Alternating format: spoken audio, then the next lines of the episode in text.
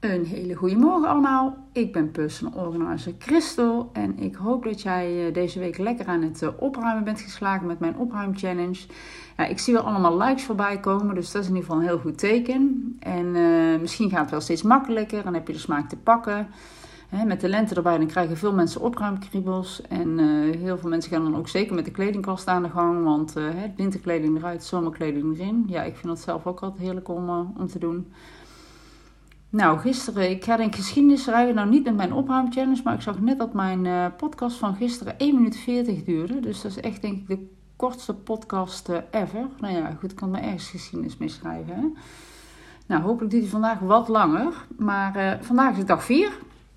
De woonkamer is aan de beurt. Hè? De plek in huis die veelal dient voor ontspanning, tv kijken, spelletjes spelen of om visite te ontvangen.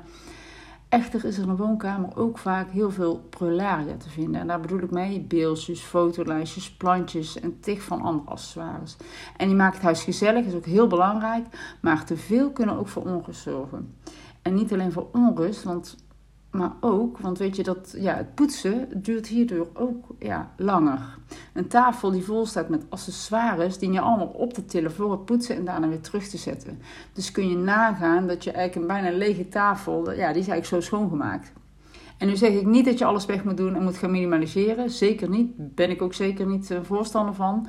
Maar houd liever alleen de accessoires die je echt mooi en waardevol vindt. Want dan krijg je die ook de aandacht die ze eigenlijk gewoon verdienen. Nou, misschien heb jij ook een boekenkast in de woonkamer staan. En heb je misschien ook zelfs nog wel ongelezen boeken in de kast staan. Waarvan je zegt dat je die ooit nog gaat lezen. Nou, ik zal je een geheimpje verklappen. Want ooit betekent in veel gevallen nooit. Toen je het kocht was je er helemaal blij mee. Maar er is een reden dat je er nog niet aan begonnen bent. Nu denk je, ja, het is zonde om weg te doen, is een nieuw boek. Het is juist zonde dat dat boek plek inneemt in jouw kast. Je kan beter nu een boek kopen wat je nu aanspreekt, dan eentje die al enige tijd voor de sier in de boekenkast staat.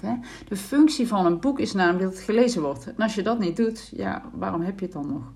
Dus ga het lezen of stop het in een van je kratten. En dat kan ook de krat zijn hè, dat je het wil gaan verkopen. Dat kan natuurlijk ook, dan krijg je er nog een leuk centje voor. Nou, morgen is alweer de laatste dag van, uh, van uh, mijn opruimchallenge.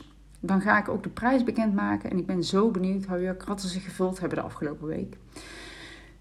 Wil jij trouwens nog kans maken op die mooie prijs? 1. Doe elke dag mee. 2. Like elke dag mijn bericht. En tag daarbij elke dag iemand anders van je vrienden. En als je nog bonuspunten wil verdienen, kun je mij minstens één keer taggen in je stories met bijvoorbeeld een foto van de spullen die je gaat opruimen, die je aan het opruimen bent. Nou, wat die waardevolle prijs is, uh, dat hoor je morgen. Ik kan een klein tipje van de sluier oplichten. Het is in ieder geval een nieuw concept waar ik mee bezig ben. Waarmee ik nog meer mensen kan gaan helpen. Ik ben er helemaal uh, enthousiast over en uh, ik hoop jij ook.